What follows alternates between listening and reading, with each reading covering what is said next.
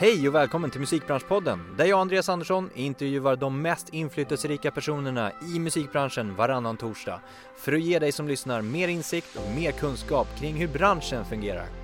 Marknadsföring och speciellt digital marknadsföring är idag hetare än någonsin. Därför pratar jag idag med Nico Sader som är expert inom området. Hon jobbar idag på The Orchard som Director of Marketing and Sales i Norden. Vi benar ut vad man som till exempel företag, band och artist bör tänka på i sin digitala marknadsföring. Vilka plattformar bör man använda och hur bör man använda de här plattformarna? Ska man till exempel posta allt sitt content på alla plattformar för att synas så mycket som möjligt? Vad är det viktiga i det hela? Är det att synas, att få likes, att posta så mycket som möjligt eller att kommunicera? Häng med så reder vi ut allt detta och mycket mer. Nu kör vi! Nico Sader, varmt välkommen till podden. Tack så jättemycket. Tack, tack. Jättekul att ha dig här. Kul att vara här. mörka novemberdag. Väldigt mörka novemberdag. Det var som jag sa när, när du kom hit, att, att när jag vaknade i morse så tänkte jag så här, det här blir en sån dag som inte blir ljus. Precis. Det känns av. Tydligen så ska det typ fortsätta så ett tag. Ja, Vi får se. vi börjar podden extremt positivt känner jag. Ja, precis. The doom, doom day is here. Exakt. Jag tänkte så här, du reser ju rätt mycket. Ja, det gör jag. Men var är det du reser någonstans? Eh, jag reser lite överallt. Nu senast eh, så kom jag precis tillbaka från Iceland Airwaves. Eh, där, är, alltså där gör vi mycket, kom, på konferenser och så, så har vi lite happy hours och det är liksom eh, Orchard, eh, egentligen för att prata, kunna ha ett utrymme för folk att pra, prata om Orchard och fråga frågor och så. Men också för att träffa våra labels för att jag jobbar över hela Norden. Så att, eh, det är mycket eh, träffa våra isländska bolag till exempel nu senast. Annars så är det nu nästa vecka, den här veckan. Ska till Norge för att utbilda en ny kollega som vi har.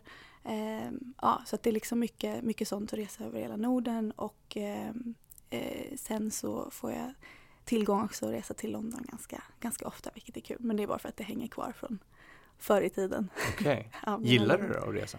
Jo, men det gör jag. Eh, absolut, det är jätte... Alltså jag ska verkligen inte... Eh, det låter som att jag, man är typ jättetrött. Det är mer att jag är trött från att resa, men det är väldigt, väldigt roligt för att jag skulle egentligen inte vilja ha det på något annat sätt. Nej. Det är typ det mest fantastiska, att man kan kombinera och se nya ställen och träffa nya människor och liksom eh, jobba internationellt tycker jag om. Mm. Så det, det, det är det som är det allra roligast. Du är ju liksom ute i mycket marknadsföringssammanhang och håller seminarier och är liksom moderator och allt möjligt och utbildning som du pratar om. Ehm, ibland så kallas du för expert i sådana sammanhang. Ja, det är ganska roligt. Kallar du dig själv för expert ibland? Nej, absolut inte. Inte? men nej, det gör jag verkligen inte. Alltså jag tror att det handlar om att, alltså, men vadå, men alla, i och för sig, alltså man kan ju vara inte och vara expert. Alla som jobbar i sin, när man har jobbat x antal år, Mm. så blir man ju expert på sin, eh, sitt område. Mm. Eh, så att på det sättet så, ja, absolut. Eh, men det är ju inte nå några konstigheter egentligen från andra. Det råkar bara vara så att alltså anledningen till att man blir, eh, alltså man kan moderera eller eh, prata, liksom ha utbildningar eller så.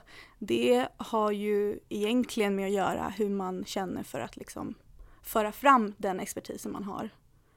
Det är ju jättemånga som sitter på fantastiska, liksom, ex, eh, liksom jättemycket eh, kunskap om olika områden. Men de kanske inte är lika bra på att föra fram det. Så det där har egentligen, tror jag, en personlighetsgrej. Mm.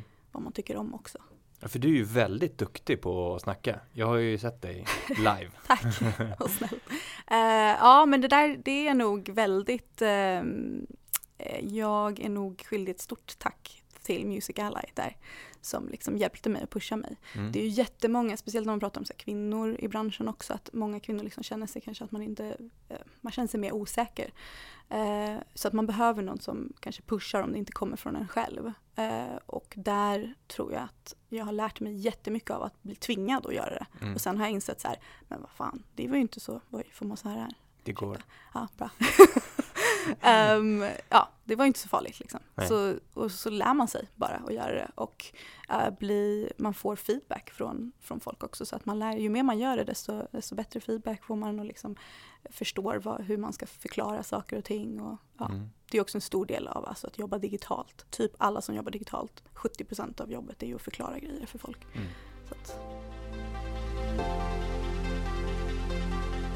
Var kommer musikintresset ifrån? Jag är en produkt av den svenska kulturskolan och musik i skolan. Aha. Så jag, är en, jag hade inte jobbat med musik om det inte var för att jag, jag känner verkligen så starkt och det är någonting som jag verkligen så brinner för. Att det finns, öppnas upp så många möjligheter för folk som får den, eh, den möjligheten att gå på kulturskolan. Liksom, min mamma hade inte kunnat eh, jag, jag, spelade fiol, det var så jag började. Och det kom från att de besökte min skola och det liksom, ja men du vet när mm. kulturskolan kommer får man testa på. Eh, och min mamma hade inte haft råd att göra det om det inte var för att det var liksom subventionerat och ja. Så att jag är en helt liksom produkt av det och kommer helt från min egen drivkraft. Mina föräldrar har ingenting egentligen, förstå sig, vet nog fortfarande inte vad jag håller på med. Eller nog, de vet inte vad jag håller på med. Eh, så att det är, ja, det är därifrån det kommer. Okej. Okay. Hur kom du in på musikbranschen då? Var Music Ally det första liksom inom musikbranschen? Eh, jag, eh, jag jobbade lite, alltså dels så hade jag ju precis musikbranschen kommer man ju dels i kontakt med när man är musiker själv men sen var det var det också, jag har jobbat med, jag läste mediekommunikation, det var det jag började plugga efter gymnasiet. Och då kom jag i kontakt med liksom musikjournalistik, så det är egentligen så det började. Jobba med eh, musikradio eh, egentligen. Eh, och sen så jobbade jag på lite festivaler. Det var väl min första liksom, del. Men sen riktiga, riktiga jobbet är väl Music Ally där det började. Mm.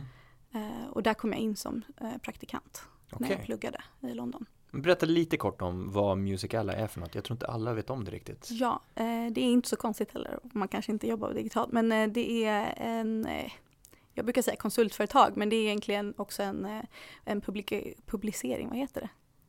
Heter det publicering? Publicering. Vad heter det? Publikation. Publikation. Jag, bara, alltså jag blir helt... Uh, jag kommer alltid vara så här engelsk-svensk variant. Uh, publikation, precis. Uh, och de skriver om digital marknadsföring och vad som händer i världen väldigt... De är experter, så kan mm. man ju säga. Så att de har liksom i mitt... Ja, de världens bästa journalister liksom, som skriver för det. Men sen finns det också den här liksom, eh, utbildningsdelen, researchdelen eh, och allting liksom vävs samman. Så att de är ett, det är ett väldigt litet företag som jobbar med stora klienter i, eh, i musikbranschen. Mm. Häftigt. Och då mm. praktikplats som ledde in till en anställning? Precis. Coolt. Ja. Och då var du där i London alltså? Ja. I fem år? Ja, jag eh, började jobba på Orchard i London också. Ehm, efter, efter ett antal år mm. så hade jag väl testat, jag hade gjort liksom allting, alla funktioner eh, på Music Ally så att eh, då var det dags att, att, gå vidare och ville jobba med nordisk musik. Eh, så då hade jag, alltså det som är bra med Music Ally är att man får ju kontakt med liksom alla över hela mm. branschen, både liksom eh, förlag och skivbolag och alla liksom pratar med en så att man får ju väldigt bra översyn liksom, hur branschen funkar. Och eh, där, det är därifrån det kommer egentligen att jag kände folk som jobbade på Orchard och de sa, ska du inte komma och börja jobba med svensk musik? Mm. Eh, så det var lite så, så det började. Vad är det du gör just nu på The Orchard? Just nu så eh, överser jag all marknadsföring för hela Norden. Eh, och det är egentligen allting från kreativa kampanjer, digital annonsering och eh, också våra relationer med nyckelplattformar som Spotify och eh, Apple till exempel. Mm. Och har fantastiska kollegor i Norden som jobbar lokalt också. Innan vi går in på marknadsföring så tänkte jag vi ska bara förklara The Orchard. För du nämnde ja. nu innan att det har hänt ganska mycket senaste tiden. Ja, hänt jättemycket. Um, men The Orchard är ett distributionsföretag. Ja, men precis. Film, för film och musik. Uh, det ska sägas att film är en helt separat avdelning som sköts helt annorlunda i jämförelse med musiken. Um, så att det är, ja, uh, vi och musiksidan bara. Uh, och uh, det är, alltså distribution har ju förändrats jättemycket. Så dels är det ju bara senaste året att jobba med de bolag som vi har, mycket saker, alltså all sorts utveckling. Det händer ju så mycket, vi vet ju bara vad som har hänt liksom på plattformarna. Mm. Det förändrar ju hur man arbetar också. Men när man, säger, när man kollar på Orchards historia när det började då handlade det ju om att vi skulle, alltså då fanns ju inte ens liksom streamingtjänsterna utan då var det ju att man skulle få ut musiken till fans typ ha, jobba i forum. Liksom. De höll på att skicka ut liksom, musik i forum för att, så att fans skulle lyssna på det och olika så. Och sen så kom iTunes och liksom den vägen. Och då var det mycket att man skulle, inte vem som helst kunde leverera musik. Det är ju det som är själva liksom, grundidén i distribution egentligen. Att, um, om det är ett independent skivbolag till exempel som inte har eh, den setupen eh, och, och den mjukvaran, liksom, plattformen för att kunna leverera musik direkt till plattformarna så gör man det liksom via en distributör eller aggregator, om man nu vill kalla det. Eh, och det är ju grundidén. Men sen har ju det utvecklats. Alltså idag kan ju vem som helst, nu har ju Spotify öppnat upp för att eh, artister till exempel kan leverera direkt till Spotify. Uh, men det betyder ju inte att distributörens roll liksom hamnar i, i skymundan utan det betyder bara att det, den ändras. Och nu har det mycket, mycket, mycket mer med det som jag gör egentligen som är vad man kan kalla typ label service avdelning eh, och mycket liksom allt, alla servicer på sidan av så att man får hjälp liksom med design, man får hjälp med idéer, man får hjälp med att sätta upp en marknadsföringsplan, annonsering, allt sånt där som är eh, väldigt svårt för många bolag som är kanske två personer. Mm. Eh, får de hjälp att, att bygga ut helt enkelt. Har, har ni sett liksom lite konkurrens med de här nya aggregatorerna som ändå har kommit upp. Jag tänker på Amuse till exempel. Mm. Eh, Orchard jobbar lite annorlunda. Vi är lite i en sån här uh, mellanvariant. Så att där man till exempel, alla aggregator har ju liksom lite olika USPs kanske man ja, ska men kalla precis, dem. Lite inriktning. Ja, precis, lite ja. olika inriktningar. Eh, så om man kollar på Amuse och AWOL just nu kanske så är det mer kanske riktat mot artister eh, som vill ha medan vi traditionellt sett har jobbat med skivbolag eh, främst. Både stora och små. Men så att vår setup är liksom gjord för, ehm, för, för skivbolag egentligen. Och sen så jobbar vi med artister också. Men det är någonting som har liksom kommit mer och mer nu liksom de senaste åren egentligen. Snarare än traditionellt sett. Så där ligger vi liksom in i en, vi är liksom lite mer man får kanske lite mer service om man är del av Orchard. Vem som helst kan inte signa upp till exempel. Det är en jättestor skillnad från Amuse. Uh, utan där är det liksom att man har kontrakt uh, som kan förhandlas till exempel. Uh, så att där är det lite annorlunda. Mm. Eh, just nu i alla fall. Eh, och sen ägs vi, alltså det är ju också en an, annorlunda, vi ägs av Sony så det är ju inte någonting som är liksom konstigheter men där har vi ju lite mer vi har möjlighet, det som är bra liksom är att vi har möjlighet att pitcha till exempel till filterspellistor eh, som kan hjälpa liksom våra bolag. Så, att så som jag ser det är att vi hjälper liksom independent-sidan och få ut så mycket som möjligt. Men främst för skivbolag och management snarare än artisten direkt. Mm.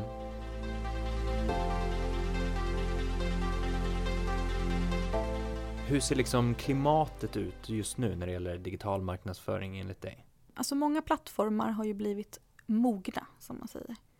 Så att där har det blivit eh, det är mycket nya funktioner som kommer och mycket liksom sådana grejer som man testar.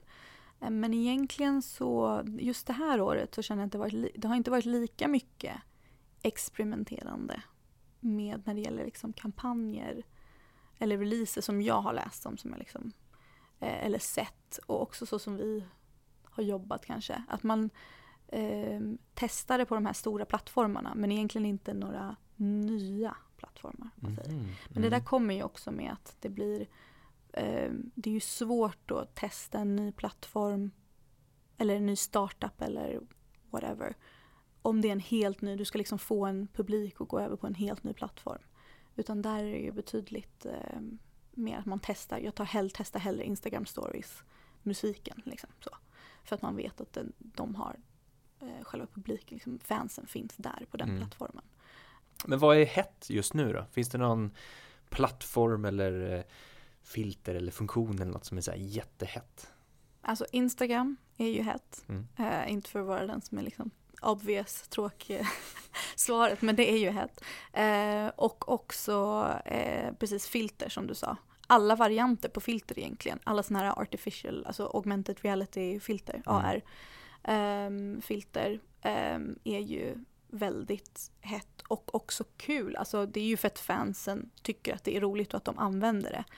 GIFar, eller GIFs eller vad man vill kalla dem, är alltid hett. Men nu kan man ju använda dem på Instagram stories till exempel. Um, så att sådana där delar. Men jag tror att jag, det, det är kul att se nu mer och mer ehm, um, AR-filter liksom, som Snapchat traditionellt sett har varit väldigt bra på. Det har ju spridit sig liksom, till de andra plattformarna. Uh, att Facebook också har det. Uh, sen är det mindre, typ för två år sedan så var det jättemycket snack om uh, virtual reality till exempel. Mm. och den har ju liksom gått, den har ju, jag vill inte säga gått ner men det kanske liksom, där var det ju mycket att folk testade bara för att testa. Och det kanske inte var kampanjer som var liksom så intressanta egentligen. Folk kanske inte använde dem utan det var mer för att man skulle göra det och det, där, därifrån kommer ju utveckling. Så det är ju bara bra. Men nu kanske det har gått över till att man kanske gör mer tillgängligt, eh, tillgänglig content. Så man kanske kollar på 360-videor eller liksom webb-VR. Um, ehm, som är liksom mer tillgängligt än att jag ska ha en grej på mitt huvud. Mm. um, ja. Jag tror att det är typ det är det heta. Det är typ, och vad ja. finns det för möjligheter om man ser till en artist, ett band, independent-stilen? Mm. Vad finns det för möjligheter där ute? Alltså det finns jättemycket grejer man kan göra. Jag tror att man alltid ska vara öppen för hur eh, ja, men för startups. Som, alltså här speciellt i Sverige så har vi ju jättemycket, eh, det är ju så nära inpå så att man kan liksom få folk, man kan testa ganska mycket grejer. Ehm, med plattformar som jobbar med, eh, alltså om du vill få till exempel ett AR-filter ehm, så eh, är det väldigt roligt för att man kan få folk att och, och testa det väldigt billigt. Ehm, för att båda, liksom, eh, båda artisten behöver det och plattformen behöver det för att de behöver testa det till exempel. Så om man hittar de samarbetena så är det ju jätte, då finns det ju hur mycket eh, möjligheter som helst. Mm. Och sen så Eh, nu har det utvecklats väldigt mycket med vad man kan göra med Spotify också. Så där, det skulle jag inte heller ta bort, liksom bara hålla den basic-grejen. Eh, upp, alltså upp använda Spotify för Artists fortfarande. Hur många personer som helst som, som jag pratar med som inte vet om vad det är. Eh, det är en sån här, det måste man vara medveten om.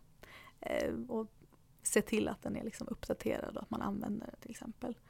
Eh, och för vad är det för någonting? Ska vi ta ja. det lite snabbt då bara? Ja, det kan jag ta. Um, Spotify for Artist är ju, uh, man kan ansöka om det som artist eller mm. manager eller vad, skivbolag. Uh, och då får man tillgång till att Alltså man kan skapa sina egna spellistor, highlighta det, man kan ändra sin biografi, man kan lägga till foton, man kan lägga till alla sociala plattformar till exempel. Eh, man kan använda den här Artist Pick om det är någon som har sett den, så finns den på mobil och desktop också. Eh, och highlighta liksom, nya releaser eller samarbeten man har gjort eller en spellista till exempel. Eh, så att, att, bara hålla den, den delen mm. eh, är ju jätteviktig. Också för att Spotify lägger märke till det.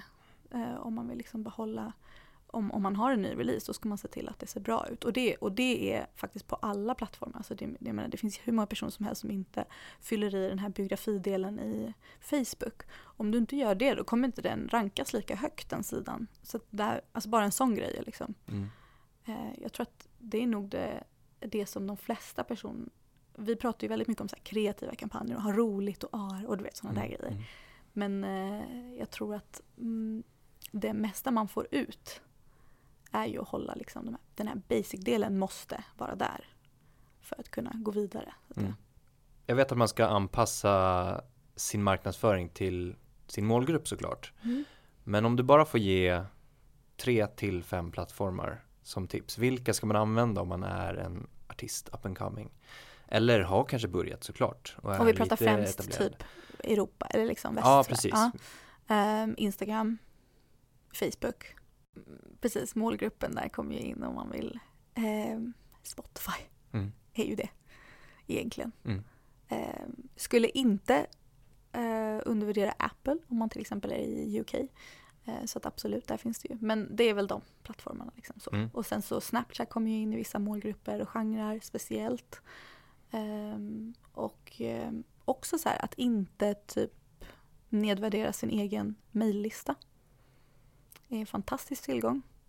för jättemånga band. Eh, som man kan använda på flera sätt. Så Mm. man kan använda det även i annonseringen så är det liksom data som du kan använda för att nå ut till eh, din målgrupp. Exakt. Ja. Bra, och sen ska du inte sprida ut utan du ska väl anpassa de här och ha koll på de här så att du inte bara använder en av dem och sen så finns du på fyra andra men du använder egentligen bara en som är Precis. uppdaterad så att säga. Ja, och det här, alltså det här, den, den diskussionen är alltid rolig för att jag jobbar mycket med att man inte ska bli överväldigad av Ja. alla liksom, plattformar.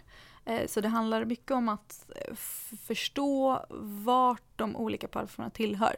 Det är lite så att det som vi har upptäckt, speciellt eh, när vi har jobbat med ehm, kampanjer på Orchard nu de senaste åren, att eh, publik, målgrupper är väldigt så här, vad heter det, i silos. Liksom. Så att den personen som är på YouTube är nödvändigtvis inte på, följer inte dig på Instagram.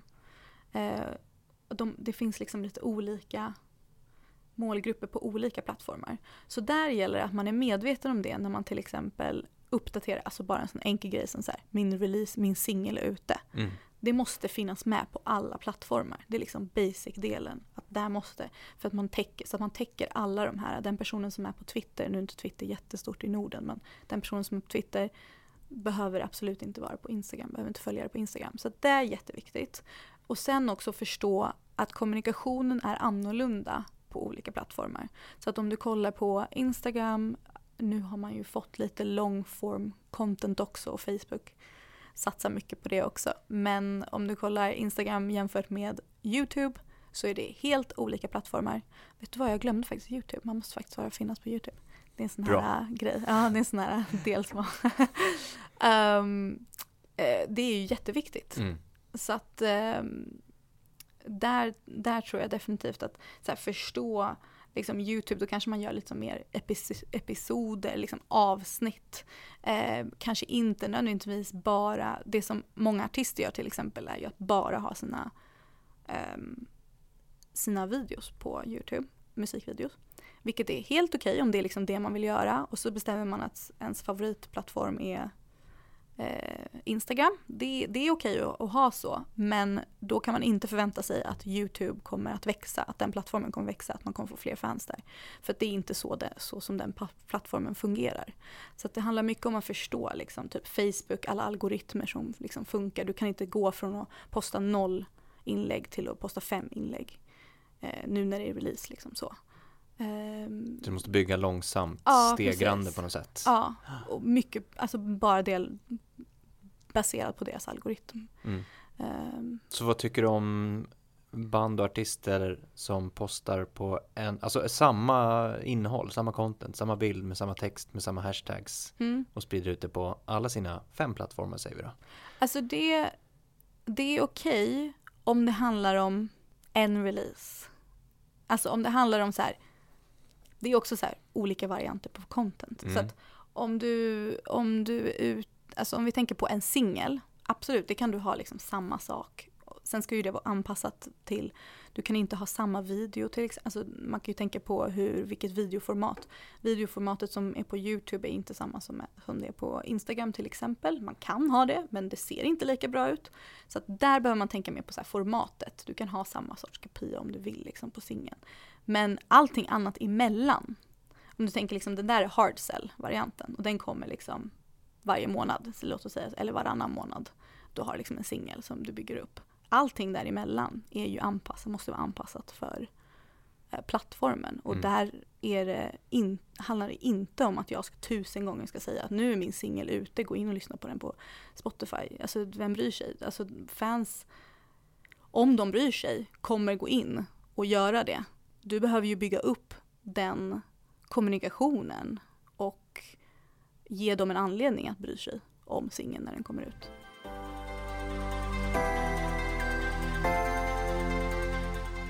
Vad skulle du säga är de grundläggande liksom hörnstenarna för att lyckas med sin digitala marknadsföring? Jag tror att ehm, en stor del som inte har någonting egentligen med, det är liksom grunden till eh, egentligen all typ av så här branding och marknadsföring är, och ofta någonting som artister har koll, de liksom vet det någonstans i bakhuvudet men inte riktigt har tänkt på är det här med att så här, vad, vem är jag, vad står jag för?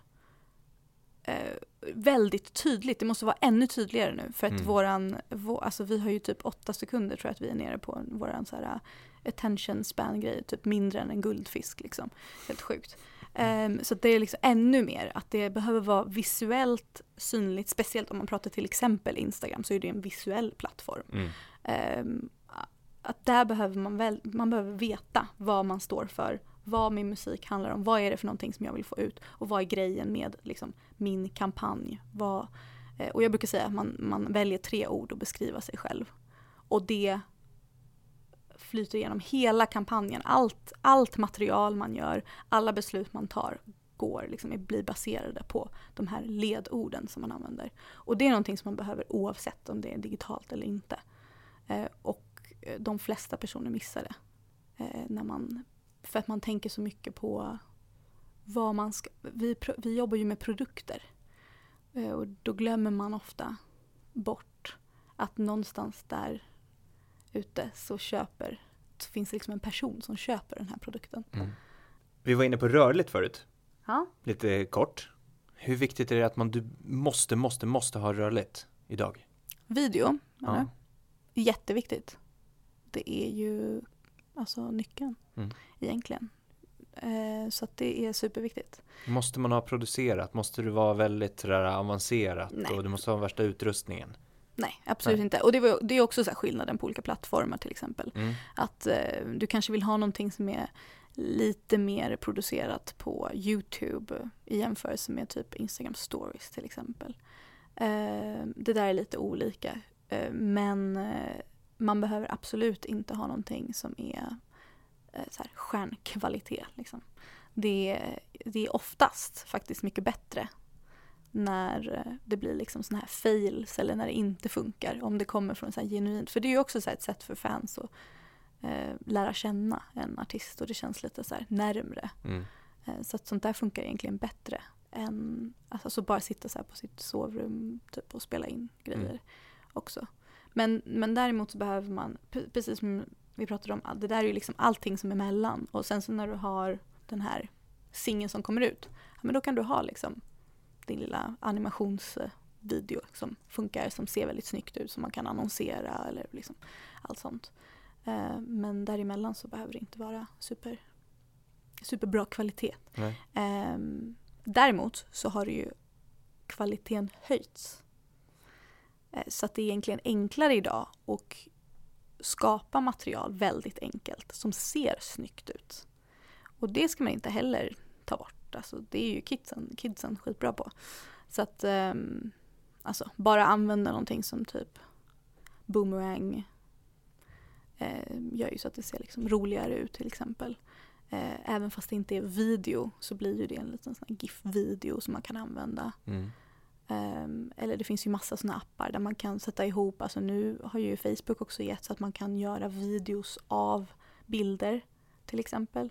Så att bara för att du inte har rörligt content så betyder det inte att du inte kan göra videos. Vad skulle du säga är något fel som du tycker många, som du ser som många liksom gör där ute när det gäller plattformar? Vi tar de här Ehm, vanligaste som vi är inne på just nu. Ja, precis. Alltså dels är det några, ja precis, det är några frågor i. Alltså dels är det den här äh, varianten att man alltid ska pusha ut och inte förstår att det är kommunikationskanaler, sociala medier till exempel om man jobbar med det. Um, och sen är det också att man inte testar. Um, att äh, man, man, om man gör någonting nytt så testar man inte hur det ser ut. Man förstår inte att man tänker inte på, jag menar vi sitter med våra iPhones men det är inte alla som använder iPhones. Jag ser inte ens om det, ja precis du har iPhone. Eh, det är inte alla som använder det. Eh, Det ser inte likadant ut världen över. Så Nej. folk har en tendens att jobba väldigt regionalt. Också för att Sverige har varit väldigt bra på streaming så tror vi att vi är väldigt bra. Alltså att vi alltid är så här, många tror liksom att vi är framkant, det är vi på vissa Men det gör också så att man glömmer de här andra territorierna och hur, liksom, hur det ser ut på andra platser. Så att om man har en, eh, om man lägger ut en Spotify-länk så är det inte alla som använder Spotify. Nej. Eh, och ibland är det jätteskönt att ha en så direkt eh, länk, alltså så. Det inte blir mer än ett val så att säga. Eh, men det funkar ju bara om det är liksom 95% av så. Om det mm. inte är så, eh, vilket utanför Sverige så är det inte så. Eh, så behöver man ge eh, det valet till fans och se till att testa så att se, se till att, så att det funkar liksom. Det är väl typ det allmänna. Mm. Men det är jag också liksom lite, ibland glömmer jag liksom när man gör en hemsida till exempel. Alltså att den ska funka på mobilen. Ja. Det är en sån här självklar grej som man vet. Men man testar egentligen inte om man inte liksom medvetet säger till sig själv nu måste jag liksom gå in och kolla hur det här ser ut. Mm. Bör man jobba med annonsering om man är band? Alltså ads eller? Absolut, det tycker jag. Eh, det finns olika, massa olika varianter på annonsering. Så att jag menar där är ju, men det var ju det vi pratade om också så här att annonsering, man måste typ smälta in i plattformen. Så att om mm. du annonserar om din singel så är det fine. Men om du annonserar om din singel liksom tio veckor i rad mm. så är det, ingen, det är inte okej. Okay. Eh, jag brukar också alltid säga, så här, det är en sån här typisk grej, att eh, spara, spara dina pengar så att man har liksom på en nyckel, men det som vi pratar om, de här nyckeleventen. Ja. Um, så att det, man matchar in så har du liksom större budgetar än att du bara kör 10 kronor per dag mm. 20 dagar i rad. Liksom. Um, så det är typ basic-delen som jag skulle definitivt göra. Men sen finns det mycket olika. Jag menar, man kan göra annonsering. Att skapa ett eh, Snapchat-filter när man spelar live till exempel är ju en annonsering. Ja. Ju, du spenderar ju pengar på det men det är, känns ju inte som annonsering utan du ger eh, en möjlighet till fans att sprida ut det själva. Eh, eller att de får sprida ut det själva. Vilket är ju fantastiskt. Så du liksom betalar för att få gjort, gjort ett content egentligen som de kan använda. Eh, så mycket, alltså det finns mycket sådana varianter. Och jag tror att man behöver kombinera. Det allra bästa är ju när man liksom får det kombinerat.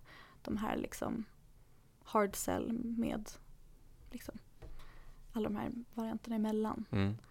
Um, men jag tycker att det är jätteviktigt att testa annonsering, se hur det funkar, jämföra med sig själv. Uh, hur det funkar, det är ju jätteannorlunda i olika territorier beroende på vad det är för någon, artist, någon variant på artist man är. Också tänka så här, vart, om du är ett hårdrocksband eller hårdrockband så kanske inte Instagram är det största utan då kanske din största plattform är Facebook. Ja men då lägger vi mer pengar på det. Alltså tänka lite så. Mm. Om man är klassiskt, eh, en klassisk label så kanske det passar väldigt bra att annonsera på Amazon. Mm. För att eh, där köper man fysiskt till exempel. Så att ja, man behöver fundera ut det som vanligt egentligen, ja. som det alltid har varit. Ja. Vi ska gå in på lite tips. Yes. För att avsluta. Oh. Om du får ge en, ja du kan få tre stycken då, tips. Okay. Till um, ett nystartat företag, alltså en startup som vi var inne mm. på. Uh, som vill liksom skapa sig en tydlig online-närvaro. Uh, och de har kommit igång, men riktigt, inte riktigt vet vart de ska börja. Mm. Hur kan man sätta igång? Ja, jag skulle definitivt eh, när det gäller startup, alltså företag, eh, sätta ihop en hemsida Eh, och se till att den är kopplad till Google så att folk hittar den. Eh, allra flesta personer använder Google. Eh, men våra för, alltså, hemsidan dyker inte upp av sig själv utan där behöver man connecta den till Google. Det finns massa roliga eh, grejer med Google Analytics, Google Search Console, liksom få, få ihop det så att när folk ens googlar liksom, vad är det här för någonting eh, så ska det vara klart och tydligt vad det är för någonting. Eh, och sen så självklart sätta upp sociala medier och då kanske jag skulle, jag skulle väl kanske fokusera, om man tänker Sverige så skulle jag nog fokusera på, alltså börja med Facebook eh, och Instagram. Eh, det är väldigt svårt, det beror ju på också vad det är för någon sorts företag. Mm. Eh, om det är väldigt visuellt så passar det väldigt bra med Instagram. Eh, om det är internationellt till exempel så kanske man ska tänka på att ha en Twitter också mm. till exempel. Eh, men det, det, första jag tänker med företag är definitivt se till och se till så att det ser professionellt ut. Eh, även om man är, alltså jag kommer ihåg vi hade sån här event, jag hade ett eventföretag eh, i, eh, i London där vi bara hade så här eh, massa roliga, alltså det var mest eh, för skojs skull men eh, kombinera musik, poesi, och eh, ja, konst och det såg ju när man skickar ut liksom när man kontaktar folk eh, för att ha till exempel, vi frågade om vi kunde få hyra ett ställe eller sådär, så ser det ju så mycket bättre ut när vi hade liksom alla våra, även fast vi bara hade typ 100 följare liksom, Mm. Ehm, så ser det mycket, mycket bättre ut om man gör det ordentligt och, det, och man har alla de här delarna, liksom, komponenterna som behövs. Eh, så att jag skulle se till att det ser professionellt ut från början. Tänk som ett stort företag, även fast det är litet. Eh, definitivt. Eh, och se till att man har liksom alla de här eh, ja, pixlarna och sånt Mm. på plats också. Eh, om man istället är en artist då och vill få ut sin musik, Mm. hur bör man sätta igång där? Eh, om man tänker online eh, så skulle jag definitivt, alltså där är det ju mycket mer sociala medier Mm. eh, och koppla ihop alla grejer som man gör i verkligheten. Så typ om du spelar ett gig, alltså det är helt sjukt vad många som glömmer att uppdatera liksom att man har ett gig. Alltså, det är så världens enklaste grej. Och, eh, eller att man ska spela liksom, eh, eller om man, har, om man är med i en tidning eller onlineblogg, det kan vara världens minsta blogg, att prata om det också. Men du behöver inte prata om det på ett sätt som är liksom så här, "Åh, läs det här, läs det här, utan det kan vara liksom vad som helst. Så här, vad tycker ni om det här? Eller att man liksom öppnar upp en, en relation till Mm. sina fans. Och den kommer ju ofta, det är en kombination av att det kommer från alltså saker som man gör fysiskt så att säga. Eh, men att verkligen se till att det som händer fysiskt också händer digitalt. Eh, alltså grime-scenen är ju bäst på det här. Så att om man vill ha tips så är det ju liksom det som, och också se till att man vet vem man är som artist. Mm. Eh, det som vi pratade om innan. Att verkligen vara tydlig med eh, vad man står för. Och sen kan ju det utvecklas. Det är ju inga konstigheter. Absolut. Eh, ingenting är liksom final, men eh, man måste börja någonstans. Mm. Connecta med andra musiker tycker jag är jätte, jätteviktigt online när man är ny som artist. Prata med andra, andra musiker, artister, skapa en community själva och få upp varandra, dra upp varandra. Eh, om man inte har fått någon eh, i musikbranschen och se till så att, alltså, om man inte har fått hjälp därifrån innan så får man definitivt hjälp om man är liksom ett stort kollektiv och drar upp varandra. Ehm, Jättebra. Ja. Nico, Ja. tack för din kunskap och tack, Tack. för härligt snack tack så jättemycket. Tack, tack för att jag fick komma. Självklart, anytime.